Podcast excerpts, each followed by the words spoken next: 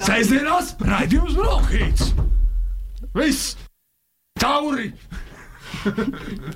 Ir viss tauri ar bronhītu. Tāpatās no manis nekas jēdzīgs nesanāca šodien.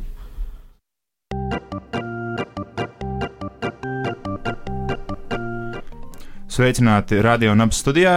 Raidījumā Bronhīts ar jums šodien Edvards Kukas, Signa Viška un mūsu viesis Svens Kusmins. Sveicināti! Jā, ir milzīgs prieks tevi satikt un redzēt. Un, jā, mēs šodien runāsim par tavu otro romānu, Dīzažio. Es mājās cenējos izrunāt šo vārdu, jo tas uh, nav tik uh, bieži un uh, daudz kur uh, dzirdams. Bet uh, mans pirmais jautājums ir, uh, uh, kas par šiem diviem gadiem ir mainījies Ohmā? Jo Ohma iznāca pirms uh, diviem gadiem, un tagad mēs atgriežamies šajā kūrota pilsētā. Un kas te ir jauns? Mazpilsētām ir tā mazā mm, lieliskā tendence, ka viņās vispār nekas sevišķi nemainās gadu gaitā. Apmēram tāda eh, arī bija vizitā iecerē. Nu, jo, zin, kā lielpilsētās dzīve ir šausmīgi dinamiska, un eh, tas, kas bija aktuāli vakar, mm, diez vai būs tik ļoti aktuāli pēc mēneša. Tādā hohmā, nu, kas tur baigi var mainīties? Es saprotu, nu, nu, deviņ, nu, bija 19. gads, nu, tagad ir 21. Nu, un tad tie jau tikai cipari. Bet um, tomēr šī grāmata ir ne tikai par Hohmu kā par pilsētu. Šī grāmata manā lasījumā lielā mērā ir par dažādiem impulsiem, uh, pārsvarā mākslinieciskiem un arī citiem impulsiem. Un, uh, tad mans jautājums ir, kas tevī radīja šo impulsu, šo vajadzību uzrakstīt šo grāmatu tik, uh, teiksim, tā ekspresīvu? Mm, tas ir droši vien tāds kaut kādā ziņā privāts apsvērums, jo um, es jau arī uzaugu kaut kādā ziņā līdzīgā vidē, ne Hohmā, lielākā pilsētā, bet arī tajā provinciālajā mākslas undergroundā. Un, nu, kaut kā pienāca tas laiks, kad es sapratu, ka kaut ko gribēts izdarīt literārā ziņā ar to vidi. Jo tā vide ir mīļa un pazīstama. Un tajā pašā laikā, nu, kā ar visām ļoti pazīstamām lietām, tas mīlestības reizēm mijas ar kaut kādu tādu saspringumu. Nu, un, un tad es atceros vienu to reizi, kad es pārcelāju kaut kādus vecus koferus ar dažni dažādiem, nu, nezinu, vecām dienas grāmatām un visādām izstāžu atklāšanu, brošūriņām un uh, 70. un 80. gadu fotografijām no tās vidas. Un, un tad atskanēja kaut kur fonā tā dziesma, ko mēs dzirdējām pirms brīža, un kaut kā visi tie materiāli saslēdzās kopā ar šo pirmo skanējumu, tieši ar to drive, kas viņā ir. Un es sapratu, jā, es ieraudzīšu to grāmatu tajā brīdī. Un uh, klausītāju zināšanai ir arī dizažio, vai noteikti pareizāk kāds varētu izrunāt, uh, skaņu celiņš Spotify, kurā ir gan šī dziesma, gan kādas nu, aptuveni pusotras stundu mūzikas. Kaut kas apmēram tāds, jā. Un vai šī mūzika ir tā, kas tevi iedvesmoja, vai tā, ko tu klausījies tapšanas procesā, vai, kas, vai kādi citi apsvērumi? Ko es klausījos tapšanas procesā, pilnīgi noteikti, bet katrs no tiem trekiem, kas ir tajā celiņā, ir tā vai citādi piedalījies tās grāmatas tapšanā vai pasviežot ideju, vai radot noskaņu, vai kalpojot kā pareizais fons pareizajā brīdī, vai vienkārši teiksim, kinematogrāfisku apsvērumu dēļ, ka tieši šajā ainā piestāvētu šā, šāda lūk mūzika. Tāda secība ir svarīga dziesmām, tajā skaņa celiņā. Mm, es ar Hohmu ļoti centos darīt tā, lai um, katrai nodaļai atbilstu viena dziesma, un tad man tur bija izreikināts, kas ir kur. Un neviens cilvēks uz pasaules, izņemot mani, to nesaprata. Un, es starp citu lasīju un uh, klausījos. Nopietni? Jā, oh, wow. jā tā bija. Nu, rekā, tad, uh, tad tomēr vismaz vienam cilvēkam tas nostrādāja. Ļoti labi, Signi. Uh, šoreiz, šoreiz tur nav tik stingri. Uh, nē, šoreiz tur nav tik stingri, šoreiz, šoreiz tur ir ļoti plūstoši, jo tā nodaļu secība arī daudzkārt mainījās, un es vienā brīdī vairs nevarēju izsekot visam līdzi. Es savukārt novērtēju, ka tas celiņš nav kaut kādas 8 stundas garš, ka viņi var tiešām arī noklausīties. Citādi cilvēki reizēm sāk viņus taisīt un nekad viņus nepaveic. Nē, bet šeit ir tiešām ļoti godīgi. Šeit uh, ir um, tikai nevis vienkārši dziesmas, kas man ir patikušas to laiku, bet te ir tiešām tas, kas attiecas uz šo tekstu. Jā. Un vēl uz šo tekstu attiecas, tu saki, mazpilsētā nekas nemainas, bet tomēr uz viņu attiecas kaut kāds zināms laiks, vai vismaz divi laiki. Viens ir, ši, vien ir šī 70. padomju bohēma mm -hmm. mazpilsētā, un otrs laiks, zināmā mērā, ir treknieku gadi. Ir mm -hmm. 2000. pirms krīzes gan Rīgā, gan Mazpilsētā. Vai tev liekas, ka šajā laikā, tieši es domāju, vairāk par trekniem gadiem, ir kaut kas neizmantots, ļoti daudz kas neapgūts pagaidām vēl? Tas ir labs jautājums. Mm, nu, kaut kādā ziņā mm, tie treknieki gadi bija tāds. Uh, Tā bija tāda robežšķirtne, varbūt kaut kādā ziņā. Es saku, nekas nemainās, bet, ja paskatās perspektīvā, tad, protams, var redzēt, ka dažādiem laikmetiem ir dažādas sejas. Bet uh, tas ir tā ļoti nosacīti. Mm, bet tie traknie gadi, tas tiešām tas, tas bija tāds laiks, kad kura beigās bija kaut kādā ziņā jāsaved rēķini ar um, veco sistēmu un veco dzīvesveidu. Man bija tāda sajūta. Un, Tādu mākslas sfēru tas skāra kaut kādā ziņā mazāk, bet um, tas kaut kā viss tas konflikts, kas veidojas grāmatas galvenajam varonim Dizāžio ar šo mākslas pasauli, nu, krīzes laikā kaut kas tāds nezinu, vai varētu notikt. Es domāju, tas ir tiešām tāds, tas ir, tas ir, tas ir tā laika, tā, tā, tā laika zīme. Un tas ir tāpat kā. Uh, Fidžeralda varoņi varēja eleganti jukt prātā tikai tajos trakajos 20. gados, nu tāpat ir arī kaut kas, uh, kaut kas tam līdzīgs šeit.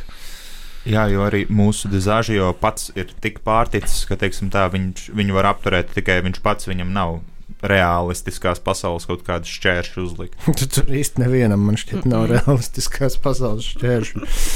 Nē, tur vispār bremžu nav. Tā kā nevienam. Mm -mm.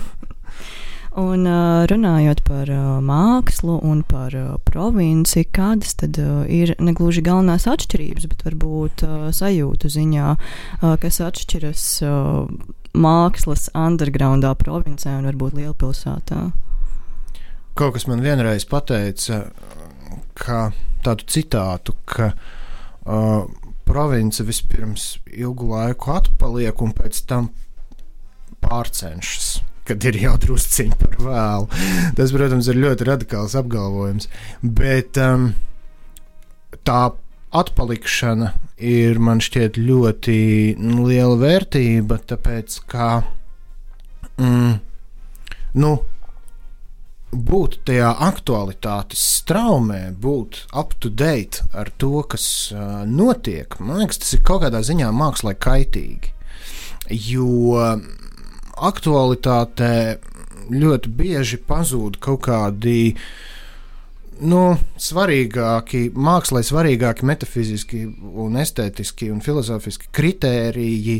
Un tāpēc, ka, nu, kā, nu, mums pieņemsim, ka mums ir kaut kāds. Uh, Tīri hipotētiski. Pieņemsim, ka ir kaut kāds glaznojums uz kaut kādas sienas, kas vieniem ļoti stipri patīk, otriem ļoti stipri nepatīk.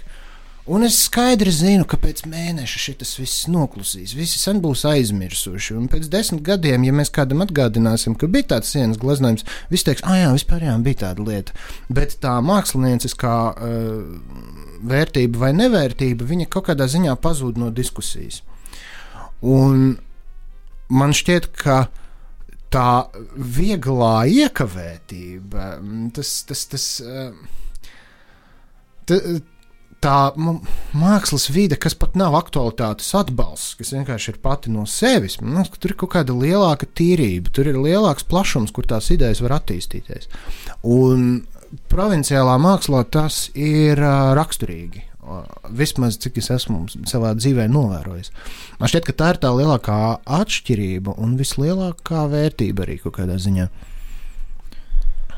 Bet vai tev liekas, ka tas ir attiecināms tikai uz provinci, teiksim, tieši uz Hohmu vai kaut kādā ziņā uz Latvijas mākslu kopumā, jo mums jau arī pa laikam rodas šīs sarunas par to, ka nu, mēs te provincē vai Jā, te jā. nomal, nomalē uh, esam brīvāki, nepamanītāki, līdz ar to varam darīt visu kaut ko. Tas nav tikai Latvijā. Tas nav tikai Latvijā. Tas, es domāju, ir mm, vispār cilvēcisks globāls fenomens. Es esmu to lasījis arī par Sibīriju, piemēram, un man draugi no Anglijas eh, laukiem ir teikuši kaut ko līdzīgu, un es esmu nu, faktiski jebkur, kur ir gadījies būt, novērojis līdzīgas uh, lietas. Bet tā brīvība, ko tu aprakstīji Dizāžio uh, provi- Hohmā, viņa tomēr ir uh, izkaisīta nevienmērīgi. Nav tā, ka gluži viņa piemīt visiem, viņa piemīt mūsu Jānim C. Bet uh, kas tad ir tas, kas liedz citiem to saskatīt, vai liedz citiem piekļūt tai, tai īstajai mākslē, tajā situācijā? Nu, tas ir uh, interesanti, kāpēc dažiem sanāk un citiem nē. Tas ir tāds ilgstošs process. Pirmkārt, jau neviens nav teicis, kā būt mākslinieciskā ziņā brīviem. Ir viegli, vēl jau vairāk. Tas nemaz nav tik izdevīgi bieži vien. Un, uh, Un kāpēc vieniem ir un otriem nav, e, ir tāda, nu, laikam jau dziļi individuāla lieta. Man drīzāk šķiet, ka tā drīzāk šķiet interesanta pati iespēja kaut kādai tādai brīvībai pietuvoties. Un, un tad tas, vai tu viņai pietuvojies vai nē, pirmkārt, tas ir individuāli. Un otrkārt, nav vēl zināms, e, vai to vispār ir iespējams izdarīt apzināti. Varbūt var.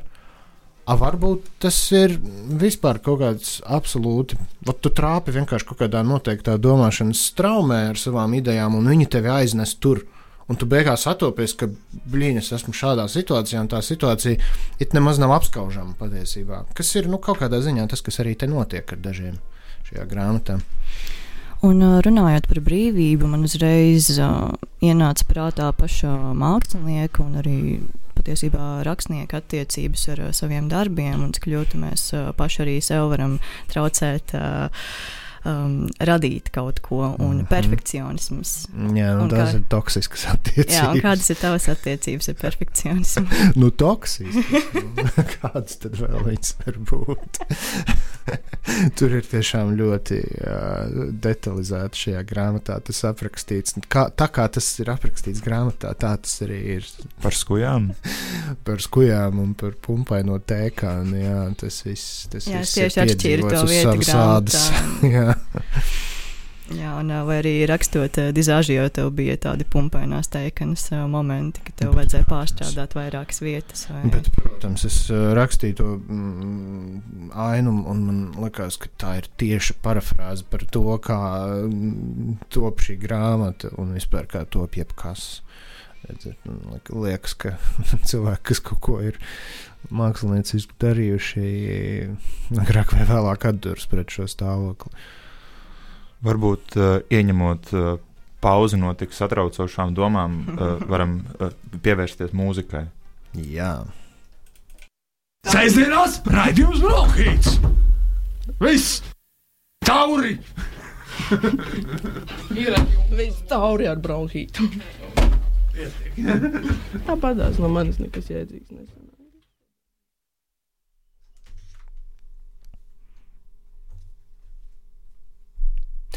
Vēl tur bija kāds grūti nosakāms vecums irmbārdis, noguris no dzīves, taču ļoti plecīgs.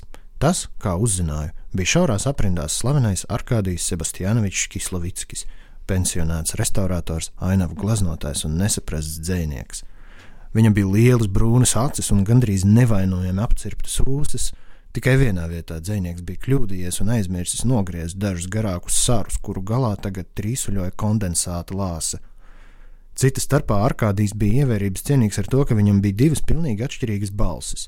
Viena maiga, pazemīga, pieklusināta, it kā speciāli paredzēta vakara pasaku stāstīšanai, otra pērkondārdošs baritons. Balsis viena otru nomainīja visnegaidītākajos brīžos, nevis pēc ārkārtīgi gribas, bet pašas no sevis, it kā viņa balss saitēs būtu iebūvēts divvirzienu slēdzes ar pulksteņu mehānismu. Kad Arkādijs piesēdās pie bāra blakus Agnetē, viņš runāja balsī numur viens. Mīļā mana, viņš sacīja, jūs pati to vēl neapzināties, bet jūs šodien izdarījāt lielu varoņdarbu. Tiešām kādu iznīcināja arhitektūras pieminekli? Sūds ar pieminekļiem, Arkādijs atmet ar milzīgo roku. Pieminekļus liek mirušajiem. Īsta arhitektūra vienmēr piedalās cilvēku attiecībās ar laiku. Tur te arī ir vieta laika noslēpumainajā ritējumā. Man nav ne jausmas, par ko jūs runājat. Dizāžu jau tu nopirks man šņābi, vai ne? Nu, kā jūs varat nesaprast? Arkādijs skaidroja, kā jūs vienkārši piebeidzāt to, ko vecais Hertzbergs bija iesācis, bet mēs, arhitektūras mazmazdēli un mazmazmeitas, neuzdrošinājāmies izdarīt līdz galam. Arkādijs izdzēra savu dzeramo, izņēma no vēstas kabatas mazu plastmasas pudelīti, uzkrītošā slepenībā papildināja glāzi un iebāza pudelīti nu jau pavisam citā kabatā. Ziniet, viņš turpināja par šī Par šīm tēmām ir grūti runāt ikdienas valodā. Man šķiet, ka vienīgais veids, kā par to jēgpilni izteikties, ir dzējā. Pēkšņi Arkādija balss pārslēdzās režīmā numur divi. Jo nevis mēs saprotam dzēju, viņš žestikulēdams nodārdināja, bet dzēja saprot mums. Ļaujiet, es jums nolasīšu vienu savu dzējoli. Vai jūs gribat dzirdēt vienu manu dzējoli? Agnēta izklaidīgi pamāja un joprojām skatīdamās letes pleķēnajā virsmā, negluži nomurmināja, negluži iesaucās Stihidaveķi. Arkādijs piecēlās kājās un balsī numur divi sāka deklamēt: Архитектура мать развален, завидующая облакам, чей пасмурный качан разварен, по чьим лугам гуляет то бомбардировщик, то более неуязвим для взоров соглядатой общих дел Серафим. Šeit viņš atkal pārslēdzās uz balsi numur viens. Лишь ты одна архитектура, избранница, невеста, перл пространства, чья губа не дура, как Тассо пел, безмерную являя храбрость, которую нам не постичь, оправдываешь местность, адрес, рябой кирпич. Nu jau gandrīz visa publika bija pievērsusies Arkādijam. Viņš labprāt būtu turpinājis, taču viņu pārtrauca kāds brīļains kungs ar īsu sirmu ķīļbārdiņu. Nu, ko jūs darāt, Arkādijs Sebastiānovičs? Katram skolniekam taču skaidrs, ka šo dzējoli nevis jūs esat sarakstījis, bet Brodskis. Arkādijs steigšs iedarbināja balsi numuru divi. Šoreiz tā bija nežēlīgi teatrāla. Gandrīz katrs vārds citā toņkārtā emocionāli uzsver, kur vajag un kur nevajag. Un tātad tu, Horācija, gribi man iestāstīt, ka tikai viens cilvēks pasaulē var paņemt rokās rakstām spalvu un uzlikt šīs rindas uz pergamenta. Protams, ka nē, bet ko bet, ko bet? Vai tad māksla kādam pieder? Nē, gan tu, Horācija, gan es, gan jūs, mīļā Agneta, gan Josifs Aleksandrovičs, lai viņam debesu valstība, mēs visi esam tie, kas pieder mākslai un tai kalpo, nevis otrādi. Horācijas pavīpsnāja. Bet atzīstieties, jūs taču pirms uzrakstījāt šo dzējoli, bijāt lasījis pilnīgi identisku dzējoli, kuru uzrakstījis Brodskis. Par ko tu mani uzskati? Protams, ka biju. Nelasīt Brodski, tas taču ir vienkārši barbarisms.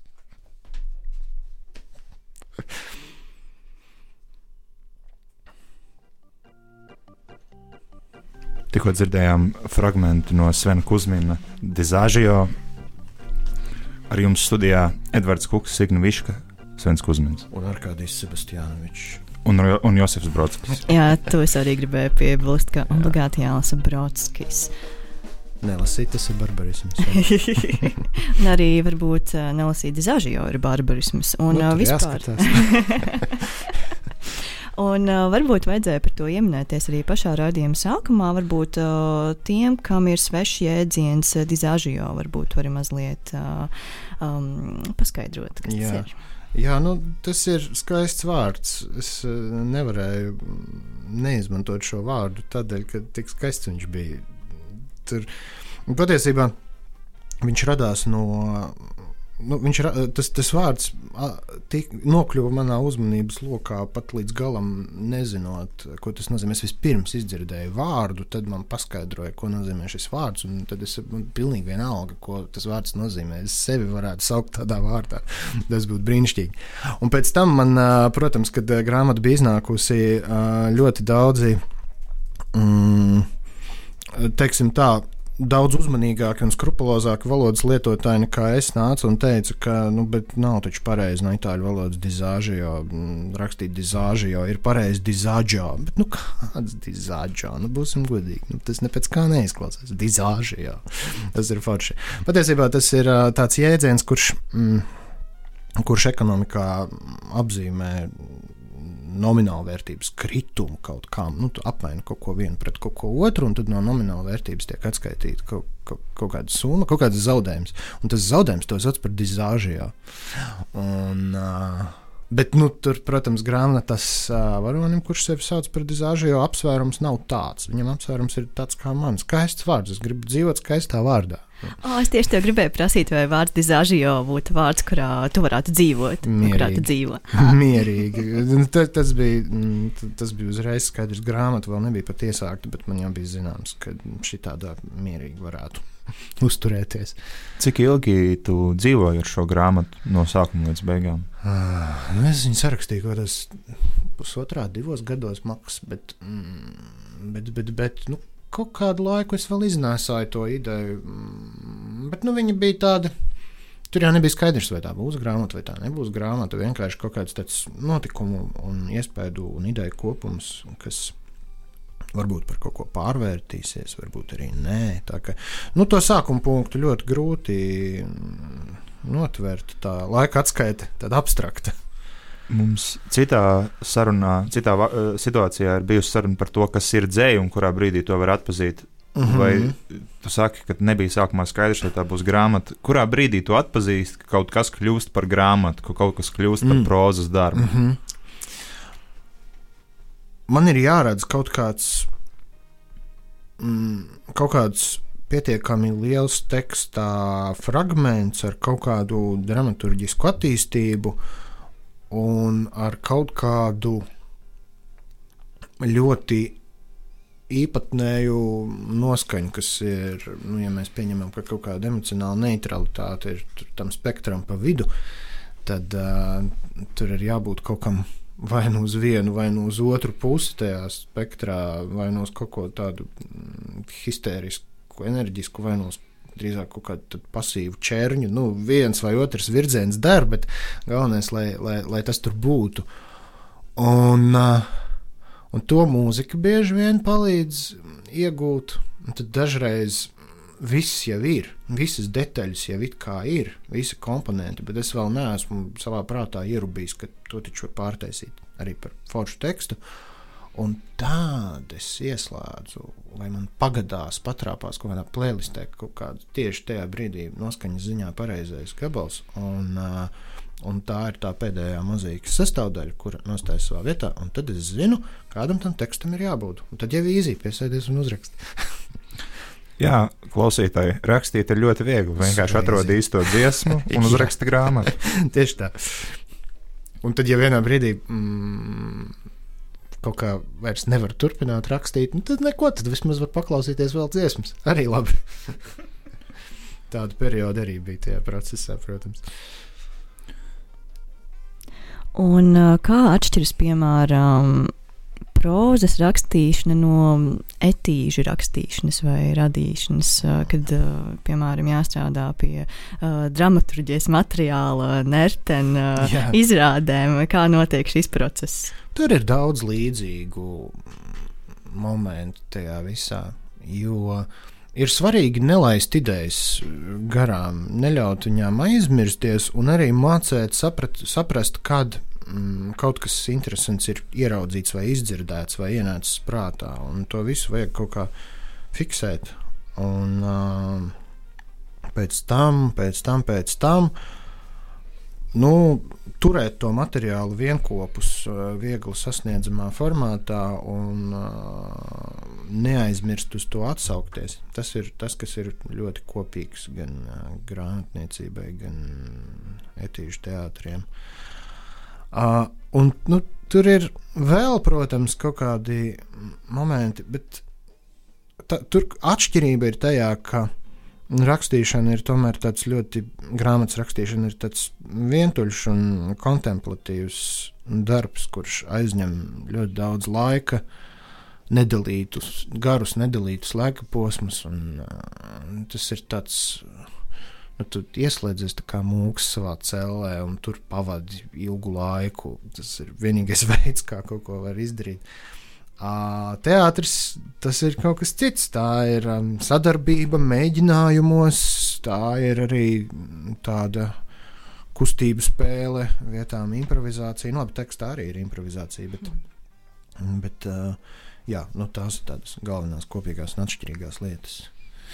Jā, un runājot par uh, dažādām mākslām, man arī gribētos teikt, ka tu šo grāmatu esi nevis uzrakstījis, bet uh, radījis. Jo, ir, nu, protams, tu esi viņu uzrakstījis, bet tu arī esi veidojis dizainu, un tas ir šīs grāmatas mākslinieks.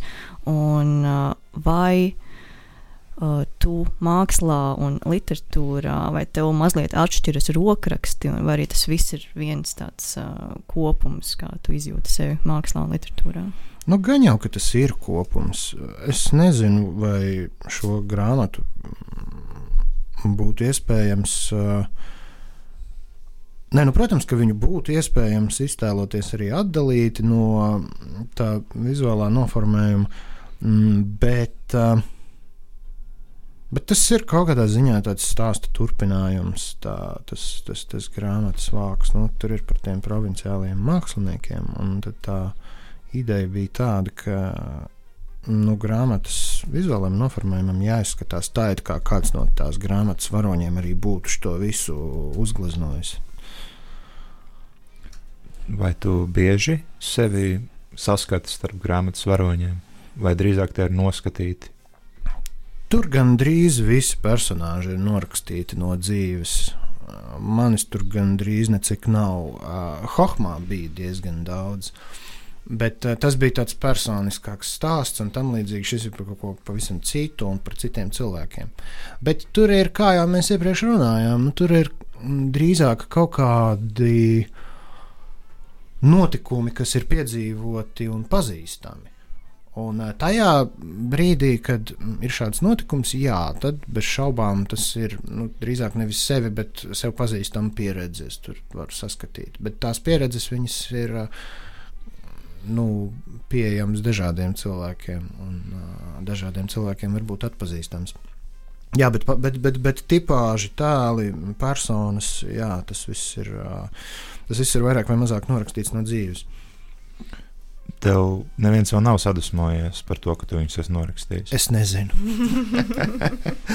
Tie, kas sadusmotos, vēl nav lasījuši. Varbūt man nav nejausmas.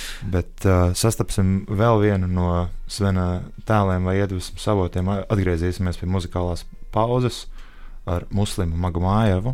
Un varbūt pēc tam Svens var mazliet pastāstīt, uh, kā šī dziesma uh, iederās Dizāžijā.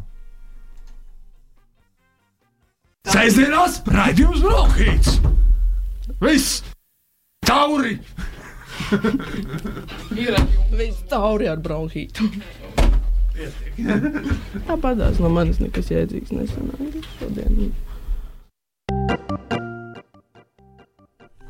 Sveicināti radio nabās, raidījumā Bronhīts ar jums Edvards Kuks, Signuviška un Svens Kuzmins.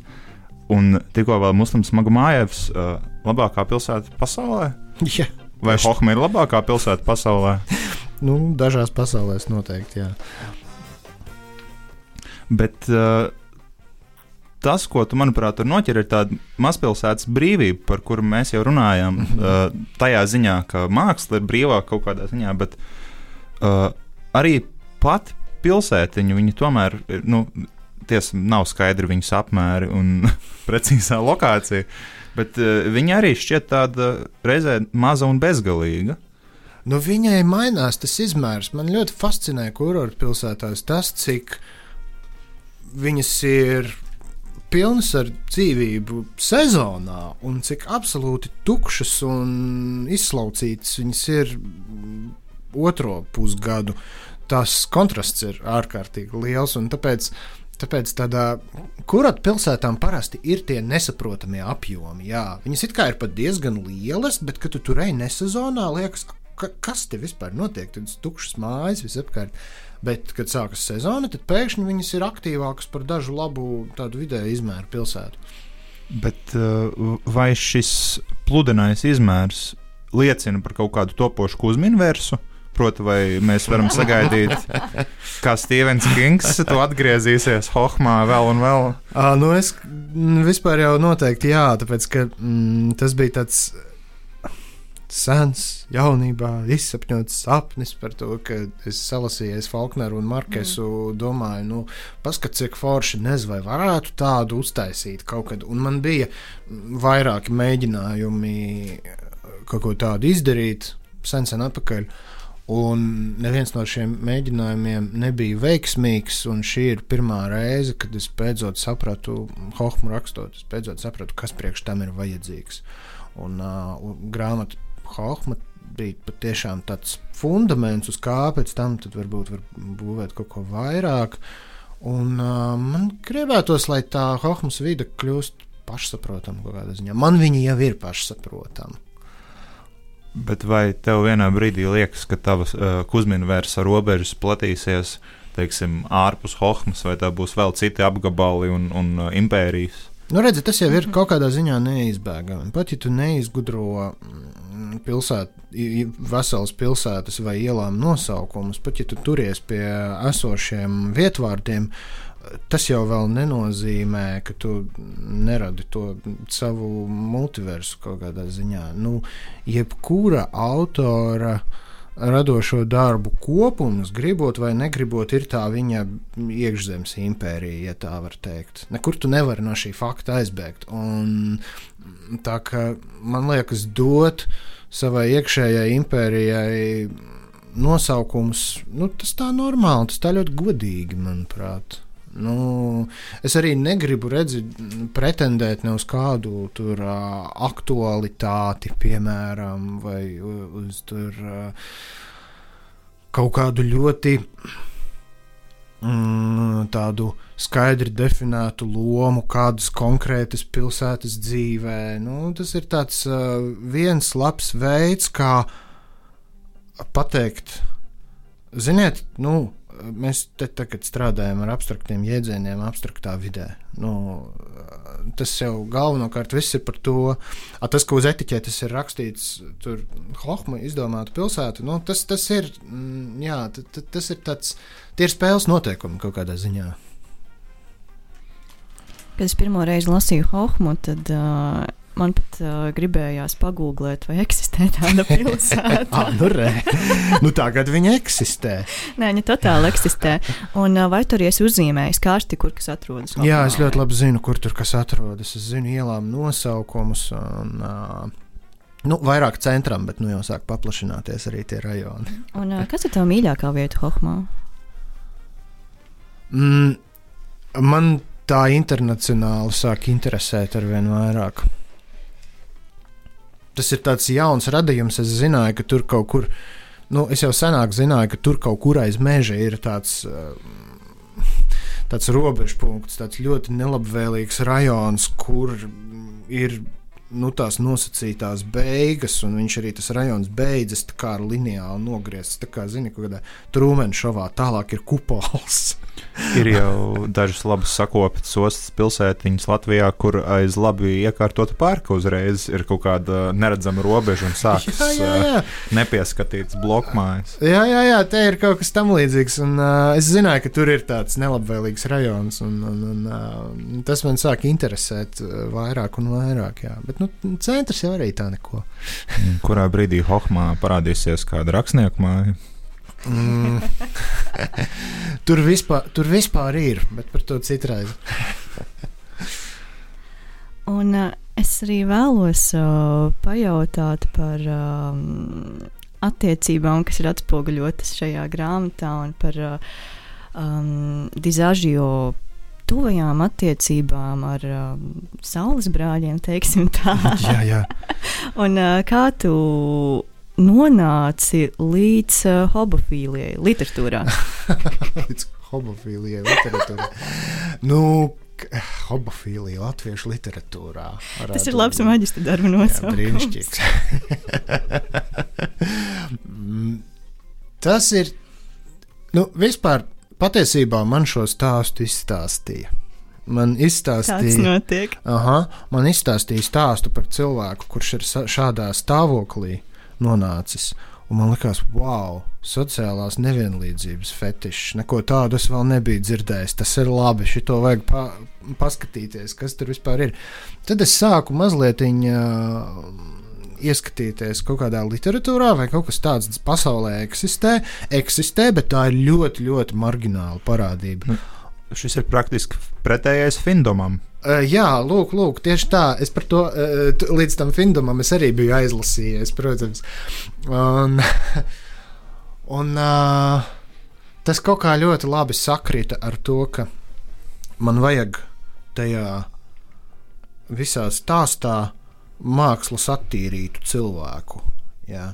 Jo taču tik daudz ir dzirdēta runa par mākslas attīs, attīrošajām īpašībām un spējām, un, bet nu, to nevar tā īsti parādīt, ja tas attīrāmais cilvēks nav tā pamatīgi sasmērējies kaut kur. Un saprot, kur nu vēl vairāk. Tas ir, nu, man vajadzēja kontrastu, lai parādītu, kā tas strādā, un tad man izstāstīja šo stāstu. Viņš bija ierakstīts kaut kur mm, dziļi, dziļi mm, materiāla krājumā. Un tieši vajadzīgajā brīdī, kad es domāju, nu, kas tas varētu būt, kas tas varētu būt, un tad kaut kā, nu, jā, izrādās, ka tas bija tas stāstījums, kas bija nepieciešams. Man uh, šis atgādina kaut ko, ko mēs jau mazliet runājām par, par likumību, ne gluži par likumību, bet par, skai, par skaisto neglīto mākslu, par to, kādu, kādu vēlmu pēc tam mēs vispār radām. Mm. Uh, kāpēc ir vērts radīt teiksim, tā, ekstrēmus? Eksper, ne obligāti eksperimentāls, bet tik ekspresīvs tādus darbus, kur, kur viss šķiežas ar dažādām sulām, un, un, uh, nu, vai arī kur, kur ir kaut kas grotesks, jo, jo tu jau pats teici, ka tas reizēm var attapties pie kaut kādām dienas ziņām un tur arī palikt. Hmm. Nu, tu domā par to, kāpēc um, tā grāmata pati par sevi ir tik uh, kontrastēna un, un, un ekspresīva. Jo man ir mm, obligāti. to vairāk kārt arī teikuši. Nu, jo tā grāmata kaut kādā ziņā uzdod šo jautājumu, manuprāt. Nu, kāpēc tad mēs darām tā? Ja ne vienkārši, lai dabūtu uzmanību. Nu, es nevaru pateikt, kāpēc mēs darām tā, bet es varu pateikt, kāpēc es daru tā uh, vienīgi. Un, uh, un man ir ārkārtīgi vienkāršs princips, nu, primitīvs kaut kādā ziņā. Es uh, mēģinu savu iespēju robežās rakstīt tādu literatūru, kādu man vairāk gribētos lasīt. Vienkārši nu, man gribētos vairāk tādas literatūras. Es viņu dažreiz kaut kur redzu, bet man ir kaut kādā ziņā. Mm, Neteiksim, ka bats pēc tādas uh, prozas, bet um, es, tad, kad tādu prozu sastopu, es esmu ārkārtīgi laimīgs, ka tāda ir. Es viņu izbaudu tiešām līdz sirds dziļumiem. Man viņa mm, uh, izraisa tirps pa mugurkaulu, un tas ir šausmīgi krūti, ka tā notiek. Un uh, tad nu, tā sajūta ir tāda, ka nu, ko es varu darīt? Nu, es varu mēģināt kaut ko savu iespēju robežās ieguldīt šāda veida literatūrā. Nu, tā ir gāmas un izvēles lieta, manuprāt, nekas vairāk. Kas uh, pēdējā laikā tev ir iekustinājis, uh, tev paticis, nu, ne obligāti vietējā literatūrā, Mm. bet vispār? Vai, piemēram, tārpu tēja ierakstās tavā? Tārputēji negluži ierakstās, bet uh, kaut gan man tīri labi patika tā grāmata. Tur, tur, tur bija foršas lietas. Mm, tur bija ļoti foršas tās tā laika underground reālīzes. Taču biju vecrīgā tajā laikā un pazīstu pusi no tiem cilvēkiem, kas tagad jau sen ir miruši. Nu, kurš gan vēl par viņiem varētu uzrakstīt, ja ne Simons? Jā tas bija tā no iekšpuses, un, un, un, un tā kā Berovs savulaik rakstīja par savas uh, paudzes torčītājiem. Tā, nu, tagad, tas, tas, tas ir forši, ka tā grāmata ir. Bet, uh, kas iekustināja, kas iekustināja? Um, tu domā tieši sakarā ar šo Nē, vienkārši kas, grāmatu? kas tev ir iekustinājis pēdējā laikā? Mm, pēdējā laikā es atkal no jauna lasu Dostojevska romānu Vēlni. Es viņu pēdējo reizi lasīju, kad man bija 18 vai 19. Un tur man tajā laikā šķita, ka tā ir vissmagākā, visskumjākā grāmata, kādu vien var iedomāties. Viņi tur visu laiku raud un mirst. Un tagad, šodienas acīm, es pēkšņi saprotu, ka viņš taču ir smieklīgs patiesībā. Viņš īstenībā ir ļoti asprātīgs, un es sāku saskatīt, ka viņam ir joki. Mēs lasījām savulaik mm, Leonīda Bičina grāmatiņa Enpils, kas pirms kaut kāda laika arī bija tāds svaigs un labs iedvesmas avots, arī iekustinošs. Un, Un tur bija tāda jauka frāze, kur uh, galvenais varonis apmēram desmit gadu vecumā raksta draugam par Dostojevski, ko viņš ir izlasījis. Viņš saka, tas, kas man viņam visvairāk patīk, Serž, ir tas, ka viņam ir daudz kas smieklīgs. kas kāds smieklīgs Dostojevskis. Un tagad es lasu, un es saprotu, ka jau, bet vispār jau viņam ir taisnība. Tas liels pārsteigums. Uh, Un runājot par lasīšanu, mazliet, mazliet atgriežoties Hohmā, man, protams, jāiedomājas par Hohmas vēstnesi. Un, vai vari īsi ieskicēt savu, es ne, negribu teikt, interesi, bet varbūt aizraušanos ar reģionālo presi, jo man šķiet, ka tu diezgan pastiprināti pēti to. Tas tā ir sanācis. Es to nekad neesmu darījis speciāli. Tā tiešām ir kaut kāda mm, vēsturisku sakritību virkne, absolūti apbrīnojama. Jo Kaut kā jau kopš bērnības tā mazpilsētas avīze vienmēr bijusi tuvu stāvoša, un kaut kādā ziņā mana literāriskā darbība sākās mazpilsētas avīzē. Nu, nu, foršas viņas ir tās mazpilsētu avīzes, ko es varu teikt. Bet tas nav noteikti vienīgais. Es vienkārši toreiz kaut kā sāku mm, tieši at, to pilsētas vidas atspoguļošanu ar tās avīzes palīdzību, tā iemesla dēļ, ka nu, tas avīze kā informācijas avots ir fantastiski. Viņi izveido tādu pilsētas, es pat nezinu. Tās avīzes ir tādi lodziņi, ar kuriem tā pa īstam var ieskatīties aiz tiem pilsētas mūriem, nosacīt runājot. Uh, Un uh, ir vēl daudz tādu parādību, ne tikai tās avīzes. Uh, man ir, es varu padalīties ideja, kādreiz uzrakstīt arī par Hohmas radiostacijām, jo tādas arī eksistē. Un, uh, Protams. Nu, ir ļoti daudz visādu tādu aspektu. Mākslas undergrounds ir viens no tiem, un tāpēc tajā grāmatā arī ir viņš nu, tādu vairāku laikmetu nogriezienī parādīts, lai saprastu, nu, ka tas viss pastāv kādā lielā mērogā.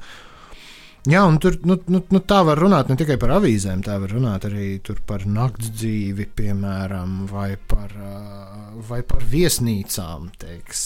Nu, nu jā, tur ir neizsmeļamas iespējas. Jā, es varu piekrist. Man jau ir izstrādājies refleks, ja ieraugu kaut ko interesantu reģionālajā presē, tad man to uzreiz gribas aizsūtīt. Sūties, priecāšos. Lūdzu. Bet uh, mums ir uh, raidījuma izskaņā, jau ejot, mums ir īsi ziņas no tā teikt mūsu vietējās preses, uh, kur uh, signalizē, cik saprotu, tev ir šīs ziņas. Jā, mums? man ir ziņas. Un, jā, raidījumā, tuvojoties raidījuma izskaņai, mēs Radio Naba un Bronhīts vēlamies arī atgādināt, ka O, pašlaik norisinās arī ziedošanas kampaņa, un līdz 18. oktobrim tiek vākti līdzekļi žurnāla darbībai. Un, uh, kampaņa noris ar saukli Mazāk indes, vairāk mīlestības. Un, uh, šajā kampaņā Satori apspēlē Romeo un Džuljeta sižetu, uzstādot Monteki un Kapuleti dzimtes kā sabiedrības spoguli. Tātad uh, divas karojošas uh, puses, kas spīdīgi, spītīgi iestājas par savu taisnību, uh, neapzinoties, kādas sakas tas atstāja sabiedrību. Un paši Satori raksta šādi. Uh, Laikā, kad plaisas starp dažādu cilvēku grupām kļūst arvien dziļākas un neiecietība atgādina drāmas no kultūras klasikas vai sen pagājušiem laikmetiem, mēs jūtam nepieciešamību pēc pārdomātām un iejūtīgām balsīm. Lai ļautu tām nokļūt līdz lasītājiem, mums vajadzīgs lasītāju un draugu atbalsts. Un Satori viennozīmīgi ir mūsu draugi, un mēs priecājamies, ka arī uh, Satori var lasīt labas kvalitātes literatūru un ne tikai Un tāpēc uh, arī aicinām doties uz Satori LV, slīpsvītra ziedot un atbalstīt interneta žurnālu Satori. Un noteikti vēlamies arī uh, informēt par uh, to, ka Satori izdevējs ir biedrība Ascendum un ka komanda kopā strādā arī pie vairākām komandām un nu pat ir izdots. Uh, strādā pie vairākām grāmatām. Un uh, nu pat ir uh, izdots pirmais Kaspara Aleksandra Irbas dienas grāmatas sējums, slēptā dzīve, homoseksuāla dienas grāmata un grāmata ir pieejama veikalos. Savukārt nākamgad mēs varam gaidīt Annas Auziņas pirmo prozas darbu, grāmatu mājoklis, un tāpat nākamā gada pirmajā pusē tiks izdots uh, Jāņa Joņeva dokumentālās prozas darbs, kam pagaidām nosaukums dots 97. Tā kā ir daudz ko gaidīt un uh, atbalstīsim arī. Jā, man ir liels prieks, ka līdz ar tām ziņām nāk arī visai tiešām projekti, jo notiek viss kaut kas viņam. Ne tikai, nu, es nezinu, kā šajā ziemā būs gluži ar diskusijām, bet tiešām viss notiek. Jā, ā, un šogad vēl gaidām uh, Satori drukāta avīze, kas šoreiz veltīta specifiski LGBT tematikai. Līdz ar to arī šogad būs dažādi jaunumi no Satori, tā kā viņi cītīgi darbojas un prieks viņus atbalstīt. Jā, Sven, es zinu, ka tu biji Storija nometnē šogad arī. Bija, bija, Un pagājušajā gadā arī. Un pagājušajā gadā arī bija pagājušajā gadā arī. Jā. Da- Dažos vārdos, kas ir gaidāms no nometnes veikuma? No nometnes veikuma. U, es neesmu kompetents atbildēt, taču. Bet būs varu- baiļu grāmata. Būs baiļu grāmata, jā, tas ir tas, kas ir iecerēts. Bailes bija šī gada nometnes tēma. Un, nu, es varu pateikt, ka prozas meistardarbnīca manā vadībā mm, radīja foršus darbus, kurus uh, ļoti cerams, ka drīzumā būs iespējams lasīt. Un, uh, Pieņemu, ka vismaz dažas no tiem varēs dzirdēt arī prozas lasījumu festivālā. Tam tā vajadzētu būt. Un uh, nedodu vispār nekādas garantijas par to, ka kaut kas, ko es tagad sludinu, atbilst patiesībai. Bet uh, nu, jā, tā var pieņemt. Labs ir. Tādā gadījumā gaidīsim, lasīsim, klausīsim, klausīsimies, ja būs festivālos. Un tad uh, tiekamies nākamreiz Bronhītā, Radio Nams studijā. Jā, paldies, Sven, ka atnāci, parunājies. Un tad tiksimies Hohmā. Paldies, ka uzaicinājāt. Čau! Čau! Atā.